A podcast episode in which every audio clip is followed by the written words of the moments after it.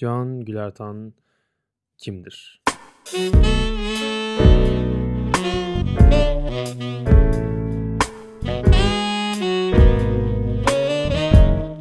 Açıkçası ben de bilmiyorum. Ama yine de bu, bu konu hakkında birazcık konuşmak istedim. Çünkü sadece hostunuz olmak dışında eti, etlik, eti kemiğe bürünmüş bir insan olarak da karşınızdayım aslında. Yani hikayem diyebileceğim bir şey anlatmaya çalışacağım aslında size. Çünkü birisinin muhabbet ettiğini düşünürken onların kim olduğuna bakarak muhabbet ettiklerine baktığımızı düşünüyorum. Eee, bu yüzden de birazcık kendim hakkında bilgi vermek istedim size. Eee, dediğim gibi benim adım Can Gülertan. 2001 yılında yağmurlu bir yağmurlu ama huzurlu bir Nisan gününde doğdum. Merak edenler için Boğa burcuyum. Eee, hayatım boyunca muhabbet etmeyi, gezmeyi ve görmeyi çok sevdim. Ayrıca yemek yemeye de bayılan bir çocuktum ve hala da yemek yemeye bayılırım. Beni istediğiniz zaman yemeğe çağırabilirsiniz, oraya gelirim. Hiç sorun değil. Emm, hayatımın ilk 5 yılı Kadıköy'de geçti. Şimdi de her vapura binip Kadıköy iskelesini gördüğümde iç içimden kan çekiyor herhalde diyorum. Ne kadar çok sıklıkla gittiğimi düşünürsek de bunu çok fazla dediğimi söyleyebilirim aslında. Emm, beni anlayan, bana saygı gösteren, beni birey yerine koyup benimle saatlerce konuşan bir anne babayla büyüdüm. Çocukluğumda aslında çok eğlenceli geç geçti çocukluğum. Eee, çoğu noktada istediklerimi yerine getiren ve beni bana saygı duyup Eee, tatile gittiğimizde bile nereye tatile gittim gideceğimizi soran bir anne anne babam vardı. Bu yüzden de kendimi çok şanslı görüyorum aslında. Ancak çoğu noktada aile sadece çekirdek ailem değil, eee, bütün ailemde herkes benden yaşça çok büyüktü. Bundan dolayı da aslında, eee, olgunlaştığımı ve herkesten daha çabuk olgunlaştığımı çevremde söyleyebilirim. Olgunlaşmam kötü bir şey mi? Bence hayır. Bir bir noktada daha farklı bir perspektif edinmemi sağladı olgunlaşmak.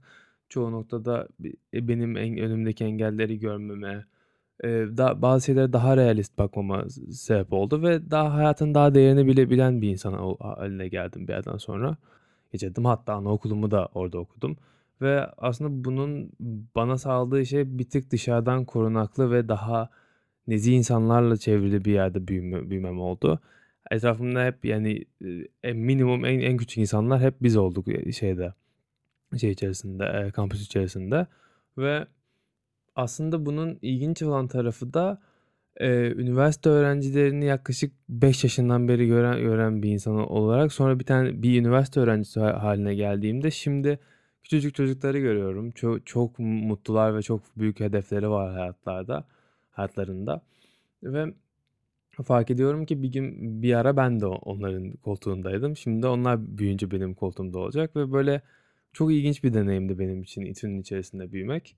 Eee, ilkokulda çok başarılı değildim. Eee, genellikle insanların kâğıtlarına bakıp ba bazı sınavları, halletmeye çalışıyordum. Yazı yazmayı çok çok kolay çözmedim. Yani zeki bir insandım ama akademik olarak ya da el becerisi olarak sonradan birazcık, emm, yeteneklerime kavuştum diyebilirim. Emm, ortaokulda ma matematikle fenle birazcık cebelleştikten sonra lisenin geldiğini ve lisede de beni daha da zor derslerin beklediğini öğrendiğim zaman birazcık aslında götüm atmıştı diyebilirim. Emm, lise boyunca en sevdiğim ve yapmak yapmış olmaktan en gurur duyduğum şeylerden bir tanesi IB okumak. IB International Baccalaureate, demek. Buradan bütün, eee, IB okuyan insanlar insanların anlayabileceği bir deneyim, eee, IB okumak. Çok çok zor, çok, emm, ıstırap verici, çoğu çok fazla uykusuz gecenin olduğu bir bir eğitim programı. Bunun yanında tabii ki MEP programı da kolay değil. Bunu altını çizmek isterim ama IB hiç kolay değildi gerçekten hiçbirimiz için. Ama şu anda benim olduğum insan olmama çok katkısı olan bir akademik program olduğunu düşünüyorum. Emm, IB okurken de çok çok iyi arkadaşlar edindim. Çok farklı perspektifler kazandırdı bana IB okumak. Hocalarımla arkadaş olduğum neredeyse şu anda hâlâ çoğuyla konuşuyorum, eee, ve bir sürü yönde bana yeni kapı açtıkları için de onların hepsine çok teşekkür ederim. Umarım dinliyorsunuzdur. Emm, ama okuldan bahs okullardan da da bahsederken bir bir noktada üniversitemden de bahsetmek isterim. Eee, şu anda ben psikoloji ve medya ve görsel sanatlar okuyorum. MAVA okuyorum, eee, Koç Üniversitesi'nde. Çok mutluyum hâlimden. Eee, kullanıcı deneyimi hakkında bazı şeyler yapmak istiyorum ileride. Küratör olmak istiyorum ileride hatta. Hayallerimden bir tanesi bu ve aslında podcast'in de çok fazla yerden, çok fazla insandan bilgi alıyor olmasının da benim küratör olmak istememle bir alakası var. Küratörlük aslında deneyim, eee, birleştirmek, deneyim terziliği gibi anlatabileceğim bir meslek. Eee, çoğu insanı, çoğu medyumu, çoğu farklı yerden, farklı, eee, kaynakları bir araya getirerek bir deneyim sunma fikri benim kafamda çok büyüleyici bir fikir olarak düşünüyorum bunu.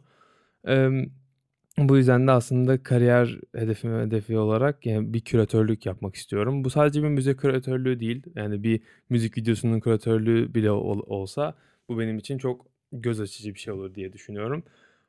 Bunun yanında üniversitemin 3. sınıfındayım. Şu anda b online eğitimde yaklaşık kaçıncı, be 4'üncü ya da 5'inci dönemim ama bu süre içi zarfında kendime çok fazla şey kattığımı düşünüyorum. Ruhum çok, çok çalkantılı dönemlerden geçtiğim de oldu. Çok iyi bir dönemde olduğumu da düşünüyorum şu anda.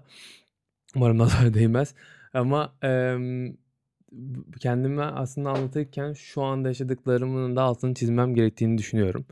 Çünkü, eee, "Ben kimim?" sorusuna en öz güvenli cevap verebileceğim dönemimde olduğumu düşünüyorum bir bakıma. Bunun da altını çizecek olursam, emm, eskiden "Ben kimim?" sorusu benim gözümde çok daha korkunç bir soruydu. Yani çoğumuzun gözünde çok korkunç bir soru. Çoğu konuğuma "Kendini tanıtır mısın?" diye sorduğumda çok dona kaldıklarını fark ediyorum ve ben bunu hiç kendime yapmamıştım.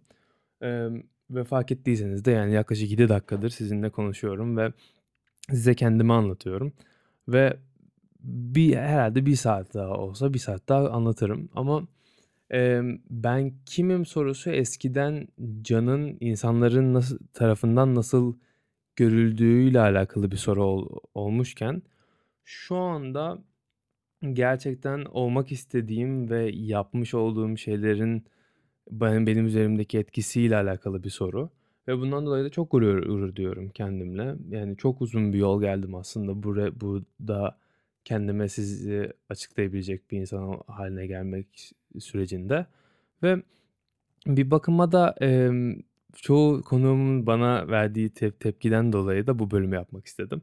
Çünkü, eee, "Ben kimim?" sorusu çoğu şu anda hepimize bir tehdit olarak gözüküyor. Çoğumuza daha doğrusu, hepimize demeyeyim. Emm, çünkü çoğumuz kim olduğumuz hakkında çok net bilgilere sahip değiliz. Bu arada asla ben de çok net bir bilgiye sahip olduğumu söylemiyorum ama en azından, eee, kim olabileceğim ve nelerden hoşlanırım, neler benim çizgilerimdir, hangi deneyimlerim bana neler kattı gibi sorularda çok güzel cevaplarım olduğunu düşünüyorum. Bu burada da eğer sizin benim hakkında merak ettiğiniz bir şey varsa lütfen, eee, bana sormaktan çekinmeyin. Beni ben yapan şeylerin bir noktada da anılarım olduğunu düşünüyorum ve bazı anılarımın beni tamamen değiştirdiğini ve tam olarak kronolojik olarak bunların bir sıralaması olduğunu düşünüyorum. Öncelikle sanırım bir, böyle, bir hikâyeme bakacak olursam çok net hatırladığım bazı şeyler var. 1'incisi ilkokulda yazıyı öğrenirken ve, hani, böyle, işte, sayılar, yazılar, çarpma, bölme gibi çok temel şeyleri öğrenirken zorlandığım sırada ebeveynlerimin ve büyük diğer ai aile bireylerimin bana nasıl davrandığı, arkadaşlarıma kıyasla nerede olduğumu hissettiğimde kendime bakışım ve orada kendimin neyde iyi olabileceğini kendime sorduğum ilk anların o zamanlar olduğunu düşünüyorum şimdi retrospekte baktığımda. Bunun yanında ilerlediğimiz zaman, ilk basketbol kampımı hatırladım. İlk basketbol basketbol kampım benim gözümde, bu, yani, bir toksik masküliniteden uzaklaşıp gerçekten nasıl bir takım olunur, nasıl, hani, basket oyna oynarken bir birisiyle doğru komünikasyon kurabilirsin, hayatında da aslında, yansıyan şeyler oluyor insanın bö böyle bir kampa gittiğimde ve o kamplara gittikten sonra hep farklı bir insan olduğumu hatırlıyorum. O başka bir anı.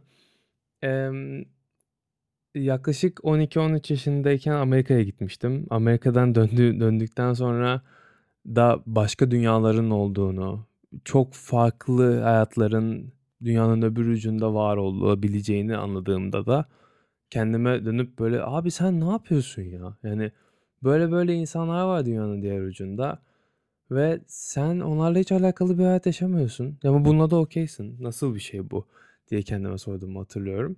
Em, 9. sınıfta liseye geçtiğimde bir kitap yazdım. Eee, şiirle tanıştım ve şiir okumayı, şiir yazmayı, şiir hakkında konuşmayı öğrendim. Şiir bir noktada ruhun yansıması diye düşünüyorum ben. Yani bu kadar hani eee, çok da sofistike değil, bir, bir şey değil gibi hissediyorum. Yani şiir yazmak her yiğidin harcı olmasa da herkesin bir noktada iyi de olmasa bir şiir yazabileceğini düşünüyorum ben. Çünkü bir noktada hiç düşünmeden tamamen duygularımı yansıttığım tek formatın şiir olduğunu ve başka insanların da geçmişte bunu çok iyi yapabilmiş olması beni çok etkilemişti. Hatta şair olmak istiyorum deyip okulu bırakacak kadar gaza gelmiştim. Sonra da annemler saçmalama oğlum okuman lazım demişlerdi. O yüzden de tabii okudum sonra ve annemler haklıymış. İyi bir şair olduğumu düşünüyordum o zaman. Şu anda da iyi bir şair olduğumu düşünüyorum ama şair olmak için sadece bir tane kitap çıkartmak yetmiyor. Ha, bu arada tabii ki kafası karışık bir adamın günlüğü adında bir tane de kitabım vardı. Onun da e, nadir kitapta bir tane sayısı, vardı ama satılmış sanırım.